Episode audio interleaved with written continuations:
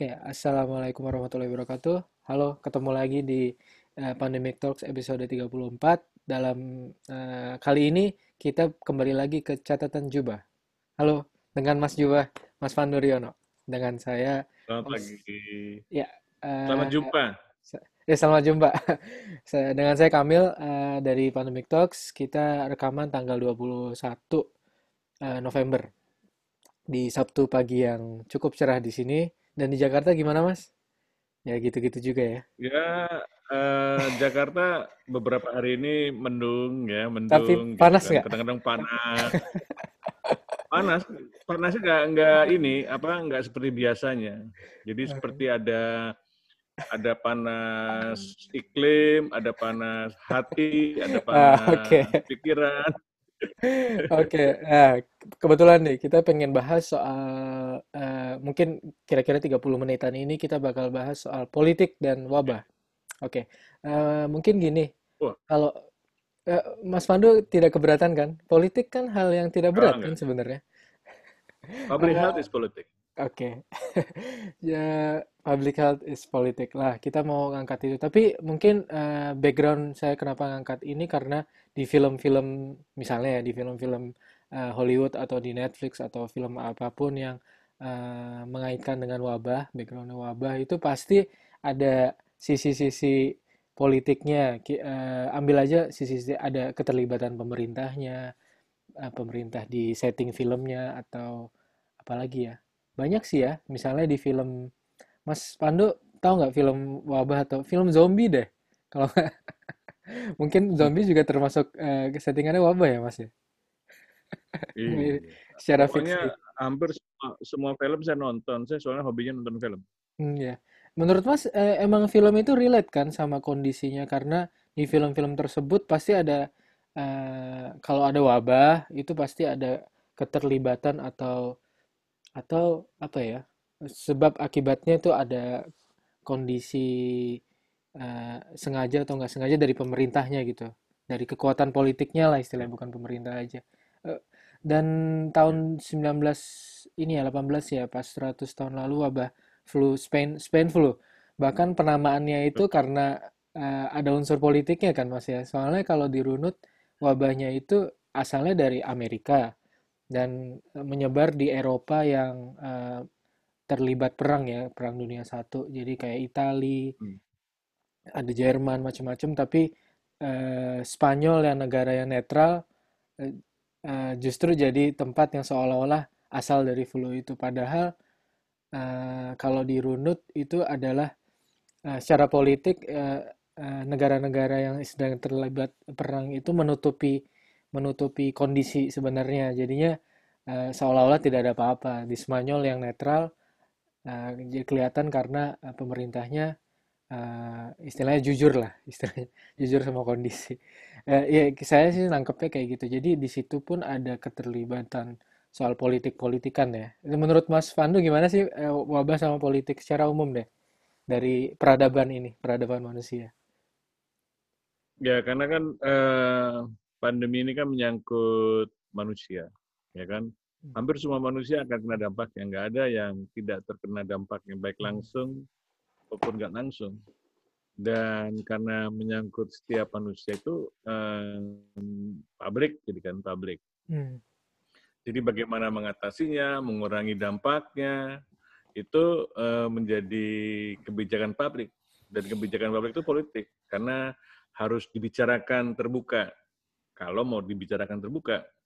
Ada juga yang tidak mau dibicarakan terbuka, ya kan ini uh, menjadi penting dan karena ada beberapa kekuatan politik ya kan hmm. yang ikut memengaruhi uh, keputusan uh, dalam pengambilan kebijakan. Nah, di situlah terjadi silang sengketa, ya. Ada yang murni ingin memperbaiki kondisi, ada yang ingin menjatuhkan Eh, kompetitornya atau bahasa Indonesia lawan politiknya, ya kan? Iya, iya. Bahkan sering kali uh, dibuat secara sengaja, gitu kan. Jadi itu uh, dibesar-besarkan, nah, kadang-kadang gitu kan. Padahal, padahal suksesnya dalam penanganan pandemi itu kalau semuanya bersatu. Nah itu itu kenapa sebabnya baik Spanish flu ya kan itu yang mulainya di kalau nggak salah waktu itu saya baca uh, habis perang dunia pertama ya hmm. itu mulainya itu di habis ketika perang dunia pertama uh, di asrama tentara malah ya kan yes, terjadi yes. di Boston kalau salah di di military camp istilahnya hmm. dan kemudian meluas meluas meluas ke seluruh dunia gitu kan ini menurut saya memang uh, akhirnya memang menjadi keputusan politik dan nggak mau nggak mau di setiap apa pun keputusannya ya kan dari keputusan persiapan gitu persiapannya ya kan dan kemudian keputusan bagaimana menanganinya bahkan nanti sampai uh, terjadi kalau ada intervensi yang juga harus memaksa penduduk ya nih dalam kurung memaksa penduduk untuk ikut berpartisipasi misalnya vaksinasi gitu kan hmm. itu juga keputusan politik ya kan Ya, itu yang menurut saya sih memang wajar. Ya, wajar uh, kalau itu dibicarakan terbuka dan dengan hati yang bersih. Nah, nah ini yang tidak terjadi. Karena manusia itu kan uh, selalu merasa dirinya paling benar, merasa paling angkuh, ya kan?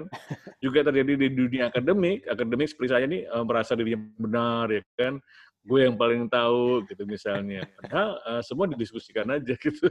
Nggak apa-apa gitu sebenarnya kan. Jadi uh, ada yang menganggap wah kalau berbeda itu jadi musuhnya gitu berbeda pendapat ya kan. Dan kalau perlu karena kalau musuh kan uh, harus disingkirkan. Nah, penyingkirannya itu juga macam-macam ya kan. Ada pembunuhan karakter, ada yang dibuat sesuatu dia tidak berani bicara dan banyak sekali yang yang ikut mengaruhi eh, keputusan-keputusan yang akhirnya berdampak pada kebijakan publik yang untuk menangani eh, pandemi. Nah, menangani pandemi ini kan butuh dalam manajemen modern ya, butuh ini, butuh manajemen. Butuh manajemen ini kan satu iya. problem, kita definisikan problemnya apa, apa-apa aja yang harus ditangani gitu kan. Eh, dan bagaimana monitoringnya gitu kan dan itu dari dari sekedar angka ya kan? Dari sekedar jumlah kematian semuanya dipolitisir ya kan? Bahkan uh, menjadi uh, kalau ada lagi uh, pil pemilihan election gitu kan yes, di mana yes. melibatkan masyarakat harus harus memutuskan si A atau si B yang menjadi pemimpin di negara demokrasi ya kan? Itu juga menjadi isu yang menarik ya kan? Jadi upaya untuk menjatuhkan lawannya gitu kan. Apalagi kalau lawannya memang uh, sudah tidak tidak sistematik dalam menangani pandeminya gitu kan. Kalau itu sih uh, kita lihat kayak di Amerika, di Amerika misalnya, ya. itu contoh, contoh yang baik. Hmm, contoh yang hidup. Kalau di Indonesia ini nggak jelas. Uh, walaupun ada pilkada gitu kan. Nah, keputusan untuk mengadakan pilkada juga politik gitu kan. Walaupun banyak ahli mengatakan kita tunda dulu dan beberapa negara yang menunda pilkada itu juga keputusan politik. Kita bisa melihat lah keputusan-keputusan itu berpihak kepada siapa. Nah, dengan demikian kita punya analisis-analisis uh, politik, tapi sebenarnya politik dalam pengertian apakah setiap kebijakan publik, ya kan, itu berpihak kepada siapa? Kepada kekuatan politik, ya kan? Kekuatan itu kekuatan yang mayoritas atau kekuatan sedikit orang konsep oligarki, konsep uh, macam-macam ya. Jadi jadi ribut gitu, jadi ruwet. Ya. Katanya katanya seorang pemimpin bilang ruwet, ruwet, ruwet. Emang ruwet sih, ya kan? iya, ada yang pernah ngomong iya, gitu. Ya? Jadi rumit. Iya. rumit sekali. Dan okay. saya juga bingung nih kalau saya katakan sesuatu bisa bisa apa yang saya katakan jadi tidak seperti apa yang saya ingin katakan gitu loh tadi saya ngomong apa ya gitu, gitu. jadi itu uh, kita harus harus mengulang-ulang lagi apa yang kita maksud supaya hmm. jelas gitu jadi uh, apa ya kita harus menyadari sih bahwa kalau ada wabah pasti uh, uh, ini kan apa pasti kita harus melihat dengan sisi public health dan public health itu pasti ada kaitan dengan politik ya nggak bisa dipisahkan sama sekali. publik ya ya kebijak ya public health jadinya ke public kebijakan gitu kan kebijakan publik jadinya hmm. pasti politik ada politiknya gitu unsur politik gak bisa dilepaskan sama sekali yeah.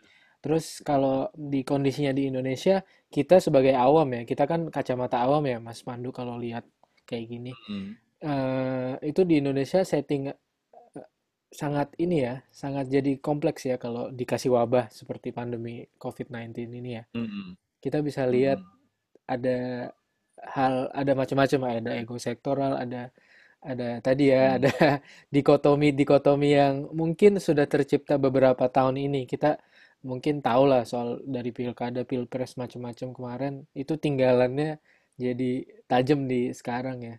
Eh, menurut Mas Pandu gimana Mas? Kalau di Indonesia kondisi politiknya ini ke arah yang sehat atau eh, ke arah yang berpihak pada publik atau yang gimana Mas kalau Mas lihat ya Iya, jadi em, eh, rumit ya. Karena apa? Karena eh, kita tidak tahu apa yang eh, sebenarnya gitu kan, antara. Jadi kalau kita melihat ya, melihat bagaimana penanganan pandemi di Indonesia itu eh, kalau kita melihat kacamata sistem itu eh, keputusan politik pertama adalah eh, terlambat.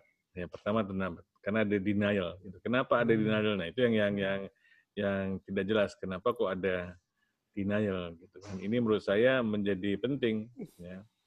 Jadi ada ada yang oh bilang oh ini eh, ada buku bagus ya, Politic of Fear.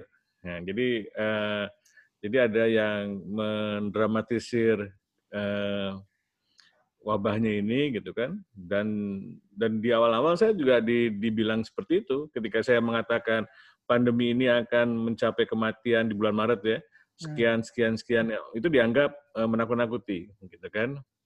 Eh, sehingga eh, tidak terjadi keseriusan gitu kan. Dan kemudian apalagi apalagi eh, pandemi ini sebagian besar tidak bergejala.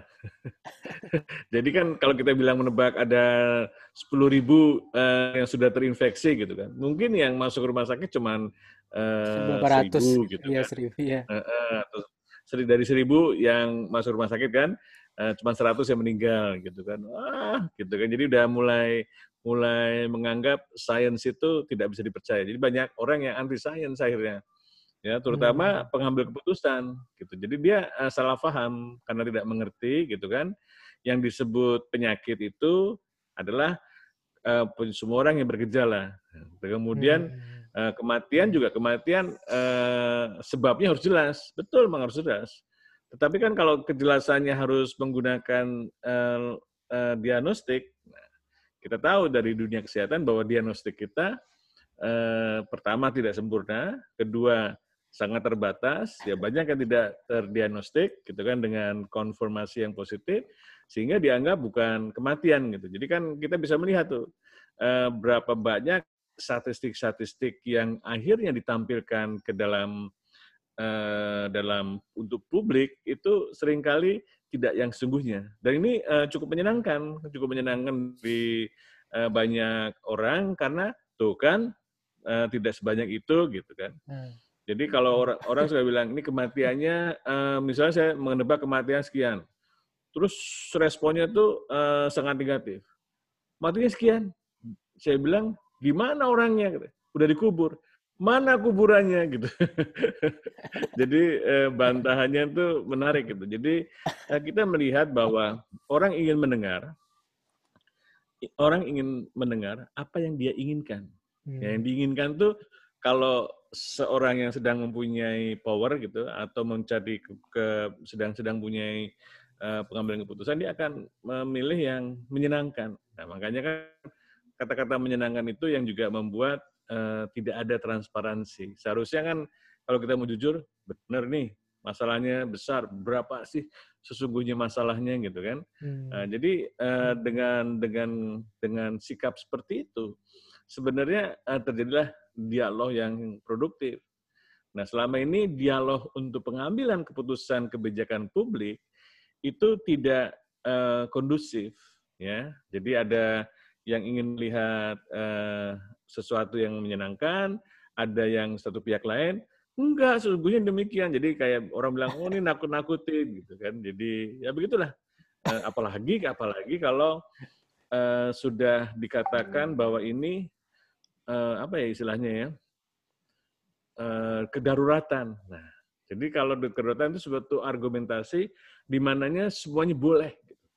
Semuanya boleh karena darurat kan. Nah, hmm. Padahal dalam kebijakan publik setiap keputusan, setiap penggunaan aset publik, dana publik dan sebagainya itu harus bisa ditanggungjawabkan gitu kan. Jadi uh, dipertanggungjawabkan secara terbuka gitu. Oh, kita sudah sudah membeli vaksin sekian gitu. Kenapa kita milih vaksin ini gitu kan? Dan sebagainya. Tapi kan tidak terjadi, ya, tidak terjadi. Ini menurut saya uh, membuat publik jadi jadi tidak percaya. Iya, terasa tidak percaya. Kalau tidak percaya, uh, akhirnya apa? Peduli. Kalau tidak peduli, uh, bagaimana? Gitu. Disuruh pakai masker gitu kan, misalnya pada hmm. nggak mau gitu kan. Apa nanti satu ketika nanti akan banyak orang yang mungkin tidak mau divaksinasi karena uh, tidak percaya, ya kan? Hmm. Tidak percaya dalam pengambilan keputusan ini. Menurut saya sih uh, jadi agak panjang penyelesaiannya, jadi lebih rumit, ya lebih rumit. Dan, Apalagi kalau alasan-alasan uh, pandemi ini dipakai untuk uh, menyerang lawan politiknya.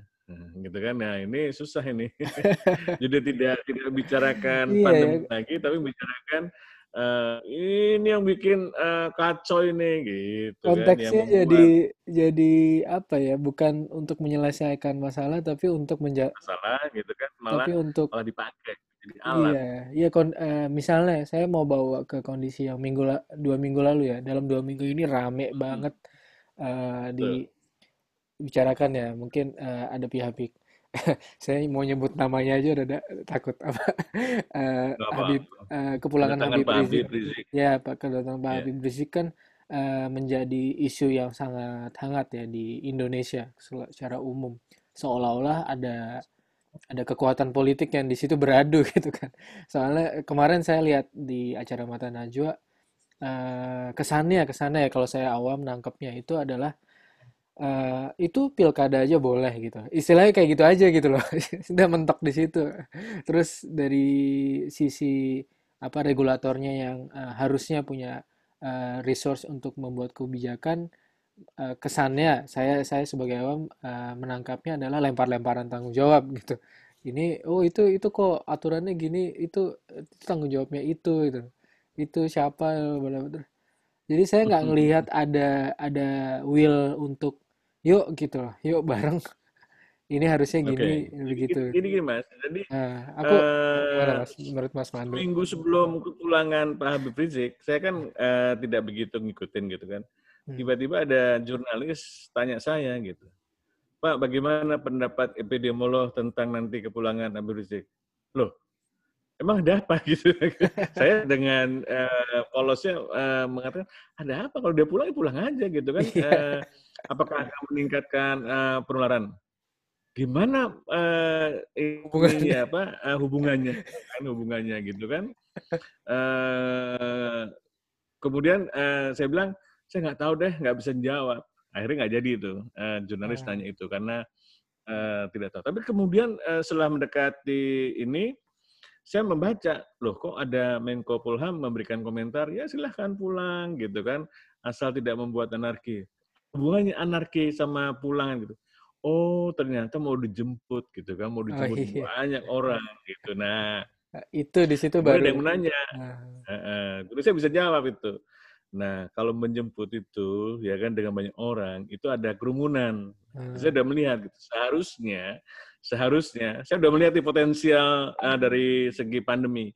Saya bilang seharusnya ya dinegosiasikan dengan Pak Habib Rizik supaya jangan dijemput gitu. Kalau perlu ya nanti dijemput dulu oleh uh, dari apa unsur-unsur pemerintah gitu ya dari kesehatan lah gitu kan untuk intervensi lah gitu kan. intervensi sama uh, nanti di dicek atau kalau memang ada aturannya uh, perlu karantina gitu kan jadi seperti kalau kita keluar negeri kan ke Singapura gitu misalnya harus dikarantina dulu gitu kan uh, dites lagi kalau memang betul-betul negatif diyakinkan negatif uh, bisa pulang ke rumah gitu.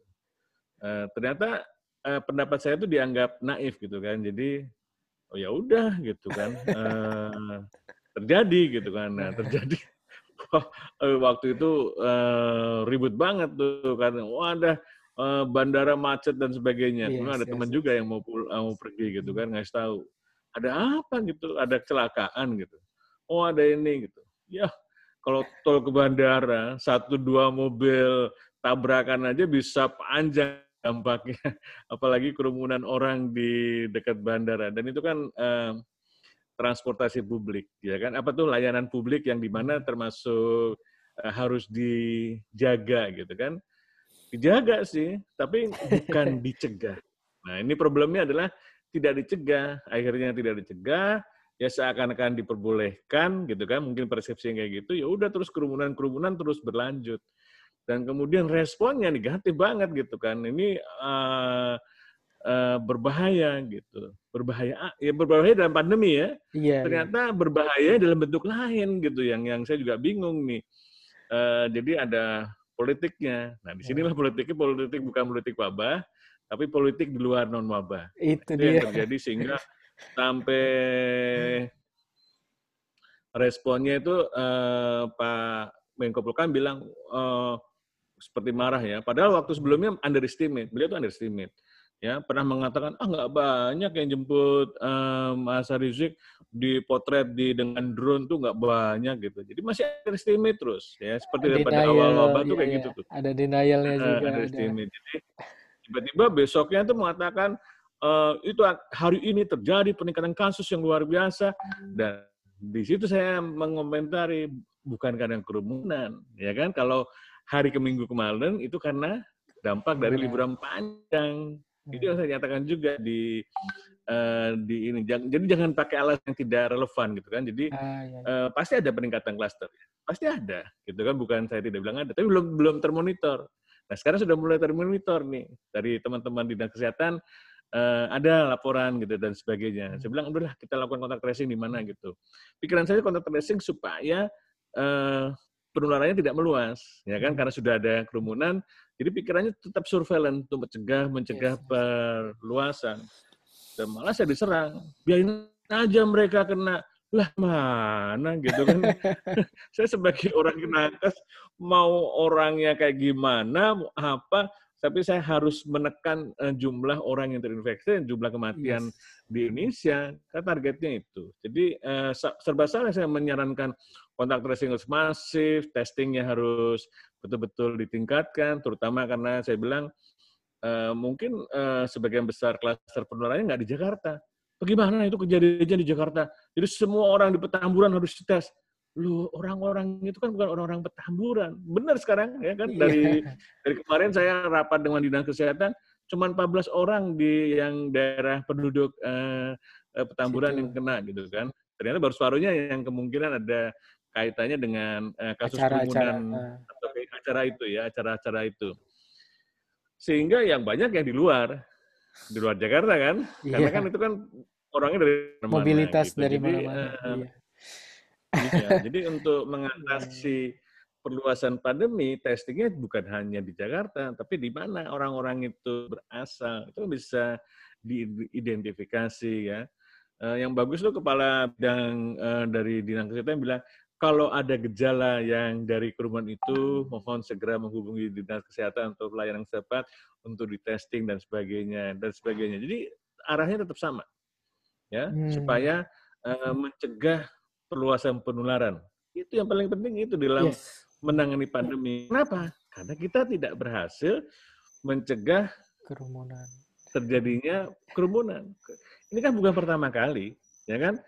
Sejak awal PSBB itu sudah dicederai dari kegiatan-kegiatan uh, di mana menghasilkan kebijakan-kebijakan uh, yang mengumpulkan masyarakat apa tuh terjadi kerumunan. Walaupun sudah berusaha dicegah, tapi kan biasanya uh, upaya kita kan tidak serius optimal. Ini saya bilang ini ada hikmahnya juga nih. Sekarang serius banget untuk mencegah kerumunan. Wah baru kali ini nih ya semua orang ngomong tentang kerumunan gitu kan. iya, yang, iya. yang, yang padahal udah sembilan bulan.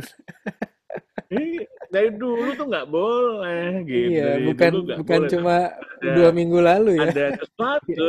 Saya iya, melihatnya iya. positifnya gitu ya. Yes, yes. Saya gitu. Saya melihat positif bahwa akhirnya orang sadar bahwa kerumunan itu berpotensial gitu kan. Padahal banyak sekali kegiatan-kegiatan, eh, kebijakan-kebijakan yang eh, saya advokasikan potensial meningkatkan penularan. Misalnya liburan panjang, cuti Hmm. liburan panjang itu kan udah berkali-kali tuh sejak April atau Iya, dia mengatakan jangan macam-macam lah.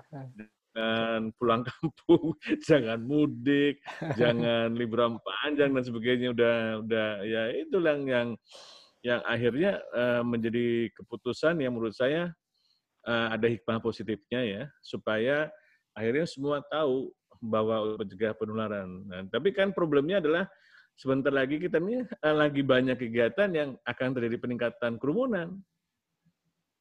Pilkada. Sama Oh, pilkada dikatakan beda. Loh, kok beda? Saya ngeliat kerumunannya kok. Ya kan, bukan eventnya karena gitu. dilindungi UU gitu, eh, excuse-nya gitu. Loh, Ya, kan kita semua kegiatan kegiatan penanganan pandemi juga ada regulasinya kan. itu dia. Ada undang-undang karantinanya, ada peraturan presidennya, ada SK Menkesnya, ya kan? Ya kan, jadi waktu juga kita melakukan pengetatan gitu kan, waktu terjadi eh, terjadi pengetatan di Jakarta kan eh, Pak Gubernur dimarahin gitu kan, eh, karena dianggap eh, mematikan, melumpuhkan ekonomi, apalagi harga saham eh, sempat drop gitu Yes, kan, yes. wah ini eh, padahal loh itu kan bagian dari pengetatan itu kan sudah ada Udah regulasinya. paketnya, iya. Jadi bisa diketatkan, bisa dilonggarkan, dan gitu. Itu Iya. semua tuh ada aturan-aturannya dan sebagainya. Udah ada indikator-indikator yang kita buat, dan itu udah di, dikonsensuskan gitu loh. Dan ketika ada itu, kemudian eh, menjadi ini yang bikin bikin eh, Ada masalah. iya. Tapi saya bilang, dan dan dampaknya ada. Kita Hmm. evaluasi kok. Dampaknya langsung turun, menurun, turun, turun. Sekarang menurun lagi nih. Menurun nih. Udah Jakarta itu kelihatan bagus, penurun. Betul Itu ya. naik lagi sekarang nih. Iya. Naik lagi, giat lagi karena apa? Ya liburan panjang, ya kan? Mungkin juga eh, liburan panjang bukan hanya Jakarta ya. Di beberapa minggu waktu minggu lalu kan eh, hari Senin lalu udah mulai kelihatan. Ya sampai sekarang juga masih masih lihat dampaknya. Walaupun saya prediksi tidak sedasat sebelumnya, karena kan eh, ketika di kita gemborkan tentang kepatuhan 3M, 3M itu Orang mungkin sebagian dengar ya masyarakat Eh, me- mas- mempraktekannya. masyarakat sudah sudah tahu gitu bahwa dia tuh harus melindungi dirinya gitu kan. Dan menurut saya sih eh, eh, bagus ya bagus gitu. Tapi tapi hendaknya kita konsisten gitu kan. Jangan menggunakan pandemi ini eh, dipolitisir dalam pengertian dipolitisir kalau saya Iya. dipolitisir itu dijadikan alat untuk eh, menyerang orang atau eh, tapi kita rangkul lah. Awalnya kan saya bilang kita rangkul aja Pak Habib Rizik. Kenapa Eh, harus? Wah dia masanya begitu banyak. Saya juga kaget lihat masa begitu banyak kan. Eh, kalau dia ngomong 3M, wah semuanya pasti, Pasti dengar. 3M. Iya, iya. Eh, eh, jadi saya eh, mendukung tuh keputusan BNPB. ya. BNPB eh, dia tahu mungkin ya Pak Doni itu eh, orangnya kan eh, cerdas juga. Dia TNI loh, ya kan? Dia tahu apa yang harus dilakukan dan memberikan masker, hand sanitizer 10 ribu, ya kan? Karena di dalam konsep kesehatan seperti pengguna narkoba misalnya, kalau ada orang pengguna narkoba bukan penjual ya, bukan pengedar, itu kan ada di dalam regulasi boleh tidak dihukum, hukumannya bu- bukan di dalam masukkan dalam lapas, tapi dikirim ke panti rehabilitasi, ya kan? Karena dia kecanduan, kecanduan itu disease, penyakit harus diobati, gitu kan? Tapi kalau kalau dia eh, kriminal, itu eh, bertahun-tahun saya memperjuangkan itu waktu saya terlibat dalam HIV, yang kita sebut sebagai konsep harm reduction. Jadi konsepnya Pak Doni itu dilihatlah sebagai harm reduction. Kalau kita tidak bisa mencegah eh, orang supaya tidak menggunakan narkoba, kita mengusahakan supaya orang yang sudah telanjur menggunakan narkoba itu eh, apa eh, direhabilitasi. Nah, sebenarnya sebenarnya Nah, ya kan konsep mau kerumunan, mau maulid nabi dan sebagainya gitu kan itu bisa dicegah. Ya kan maksudnya uh, bukan peristiwa yang mendadak spontan, ya kan? Itu pasti direncanakan, minta izin atau uh, orang tahu lah gitu kan. Didekati aja, Mas. Ini kalau misalnya Mas Kamil mau bikin uh, kegiatan, Uh, iya, 30 iya. menit Mas ya. Udah 30 menit, nggak apa-apa. Uh, kita prolong dikit. Lagi nggak apa-apa ya. ya, cegah. Konsep Pencegahan. itu pencegahan. Nah, saya melihat bahwa sekarang ini dengan adanya kasus Hmm. seminggu atau dua minggu yang lalu itu dan dampaknya responnya kayak respon panik gitu kan, Hmm. eh, saya bilang ya kita jangan panik lah. Kita harus punya rencana. Rencana Hmm. pertama adalah bagaimana mencegah supaya kasus itu bisa kita tekan. Salah satu adalah 3M, Hmm. mencegah kerumunan, ya kan? Kemudian juga testingnya harus ditingkatkan. Terus nanti kalau mau ada vaksinasi juga harus disiapkan juga. Itu kan juga harus ada Yes, yes, planning yes. yang bagus, bagian daripada mengatasi pandemi. Jangan fragmented. Ini sekarang ini masih fragmented nih. Sekarang lagi fokusnya ke ini apa? Fokusnya ke mana? Va- vaksin. apa? Kerumunan. Kerumunan. Iya, iya. Hmm, tapi kerumunannya cuma kerumunan yang ini. Iya, Ya, itu dia. di setiap kerumunan itu eh, potensial untuk meningkatkan Hmm. penularan. Dan dan di dalam eh, waktu saya sering memberikan masukan ke KPU, eh, saya bilang waktu itu saya usulkan diundur tahun depan pada awal pertengahan tahun depan lah. Karena saya melihat kelihatannya sudah mulai eh, terkendali pada eh, 2001 awal tiga bulanan gitu kan. Hmm. Eh, terus wah susah itu. Eh, tapi kemudian waktu itu eh, dari Kementerian Dalam Negeri bilang kita sudah masuk eh, normal baru. Nah, jadi Iya. Langsung eh, gini, jadi iya. kita harus bisa mengadakan banyak negara yang sudah bisa melaksanakan. Terus saya bilang negara-negara yang sudah melaksanakan itu, yang yang sudah berhasil tetap meneruskan itu negara-negara yang sudah mengendalikan. Kita belum terkendali, ya kan? Eh, Nah karena itulah kalau kita punya agenda nasional, punya deadline, oh, tanggal sekian kita melakukan ini, ya kita siapkan supaya bagaimana, eh, misalnya Desember pilkada, Agustus kita siapkan supaya pandemi sudah terkendali. Bagaimana mencapai pandemi itu terkendali? Butuh perencanaan, butuh manajemen, apa yang kita harus Strategi. siapkan, testingnya gimana, dan sebagainya. Itu strategis. Nah itu yang yang yang tiba-tiba kita tuh nggak bisa eh, punya perencanaan. Pada saya tuh eh, eh, sempat mengalami periode tahun 5 ya. Itu krisisnya luar biasa.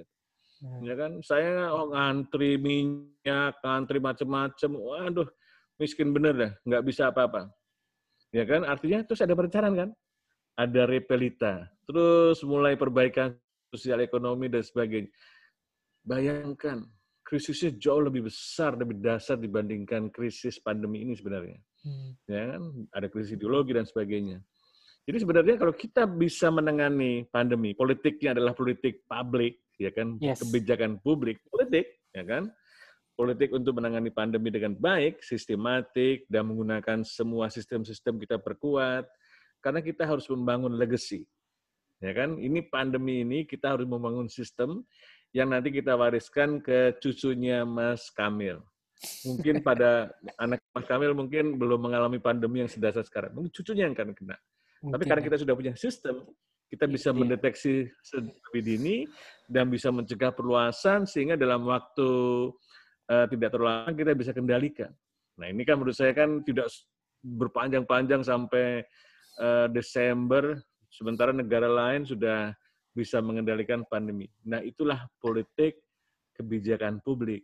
Jadi public health is politik for for public health untuk kesehatan publik. Yes. Dan Bukan itu yang menurut untuk saya eh, bukan untuk politik yang lain kan. Po- Kalau ada wabah harus politik public health. ya bukan untuk kepentingan segelintir orang. Yes. Ya kan kita kan ingin makanya kan dalam kesehatan publik itu ada universal health Hmm. ya kan universal health. Jadi semua orang harus mendapat pelayanan kesehatan yang bermutu dan terjangkau. Maka dikembangkanlah sistem asuransi nasional di Indonesia diterjemahkan dalam BPJS. BPJS. Ya kan kita udah punya sistem-sistem yang kita harus perbaiki. Kita punya primary healthcare, puskesmas. Kita punya secondary healthcare. Kita punya promkes, punya macam-macam. Itu harus diperkuat. ya kan? Diperkuat. Kita harus investasi ke sana. Ya karena kalau kita investasi ke kesehatan kesehatannya masyarakat yang baik ya kan? Eh, maka produktivitasnya akan meningkat. Ya kan? Saya, kalau di Jepang mas hmm. saya belajar di Jepang kenapa Jepang bisa menekan angka tuberkulosis Nah itu sudah saya berkali-kali uh, belajar dari teman-teman dari Jepang. Ya hmm. bahkan terakhir waktu bulan hmm. Januari di Bangkok itu kita undang lagi the Japanese experience to ngatasi daripada tuberkulosis. tuberkulosis. Kenapa? Tuberkulosis di Indonesia itu nomor dua dari jumlah kasusnya, ya kan?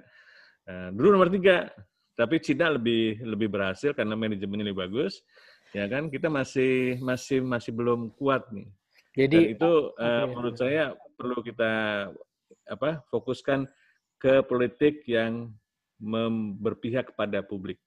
Nah itu uh, ya oke. Okay. Berarti emang contoh-contoh yang di dunia ini bisa jadi pelajaran yang baik ya buat kita melihat bahwa politik yang dan dengan arah yang baik itu bisa mempengaruhi output dari kesehat kesehatan masyarakatnya ya. Misalnya eradikasi tuberkulosis di Jepang atau di China. Dan di Indonesia memang punya ruang yang gede banget buat diperbaiki bareng. Itu ya uh, kita harus sadari dulu ya Mas Pandu. Uh, jadi kita dengan sadar kita tahu strateginya lalu ke depan kita tahu harus ngapain. Yang sekarang ada mungkin nggak uh, kurang ideal lah ya Ya kira-kira begitu. Kalau mau ngomongin komplit kayak panjang banget ya Mas Pandu. Oke, kira-kira. Uh, ya nanti kita eh, lihat uh, politik-politik daripada kesehatan publiknya yang spesifik-spesifik gitu kan. Yes. Bagaimana politik vaksinasi misalnya. Hmm. Oke, okay, mungkin. Ada bukunya. Uh, ke depan catatan jubah yang ke depan bisa ngomongin itu kali ya. Kita bahas nanti. Iya. Oke. Okay. Kali ini terima kasih banget Mas Pandu. Sampai jumpa. Selamat sampai jumpa. Sehat selalu. Asik.